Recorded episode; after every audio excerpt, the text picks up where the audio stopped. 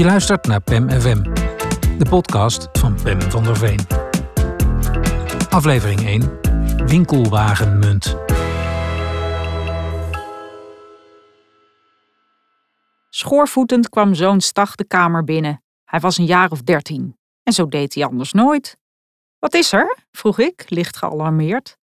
Ehm, begon hij. Ja, nou, eh, ik lag net op bed, beetje te chillen. En toen zag ik zo'n muntje voor een boodschappenkarretje liggen, je weet wel. Er viel een ongemakkelijke stilte. Ja, moedigde ik hem aan. Nou, eh, ik weet ook niet. Ik stopte dat muntje in mijn mond. En toen, ja, nou ja, toen heb ik hem dus per ongeluk doorgeslikt. Ik keek hem ongelovig aan. Sorry, zei ik. Uit de keuken klonk een bulderende lach. Mijn man, die ons gesprek gevolgd had. Nee toch, riep hij, quasi meelevend. Was het er een van Albert Heijn? Boeien, mompelde mijn zoon, nu zichtbaar gegeneerd. Ik werd heen en weer geslingerd tussen medelijden, irritatie en bezorgdheid. Oké, reconstrueerde ik. Dus jij lag op bed, je stak een winkelwagenmuntje in je mond en dat heb je toen doorgeslikt. Stag knikte. Maar waarom in hemelsnaam? What were you thinking?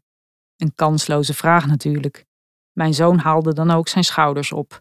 Weet ik veel, het gebeurde gewoon. Denk je dat het gevaarlijk is? Tja, die munt moet er hoe dan ook uit, antwoordde ik. Dus er zit maar één ding op: je poep doorzoeken. Ja hoor! Mijn zoons gêne maakte plaats voor walging. Wat de fuck, hoe ga ik dat doen dan? Simpel, zei ik, met een vork. Gadver! Nu keek Stag ronduit geschokt. Ben je ziek of zo? Hij draaide zich om en beende de kamer uit. Ik ga echt niet in mijn eigen stront lopen prakken. Maar lieverd, riep ik hem na, je kunt toch niet de rest van je leven rondlopen met een muntje van Albert Heijn in je lijf? Met een harde knal sloeg de deur van zijn slaapkamer dicht. Mijn man stond nog steeds te lachen. Schuif morgen gewoon een vork onder de wc-deur door, opperde hij. Dat heb ik niet gedaan. Er is ook nooit meer over gepraat. Het raadsel van de verdwenen winkelwagenmunt is voor altijd onopgehelderd gebleven.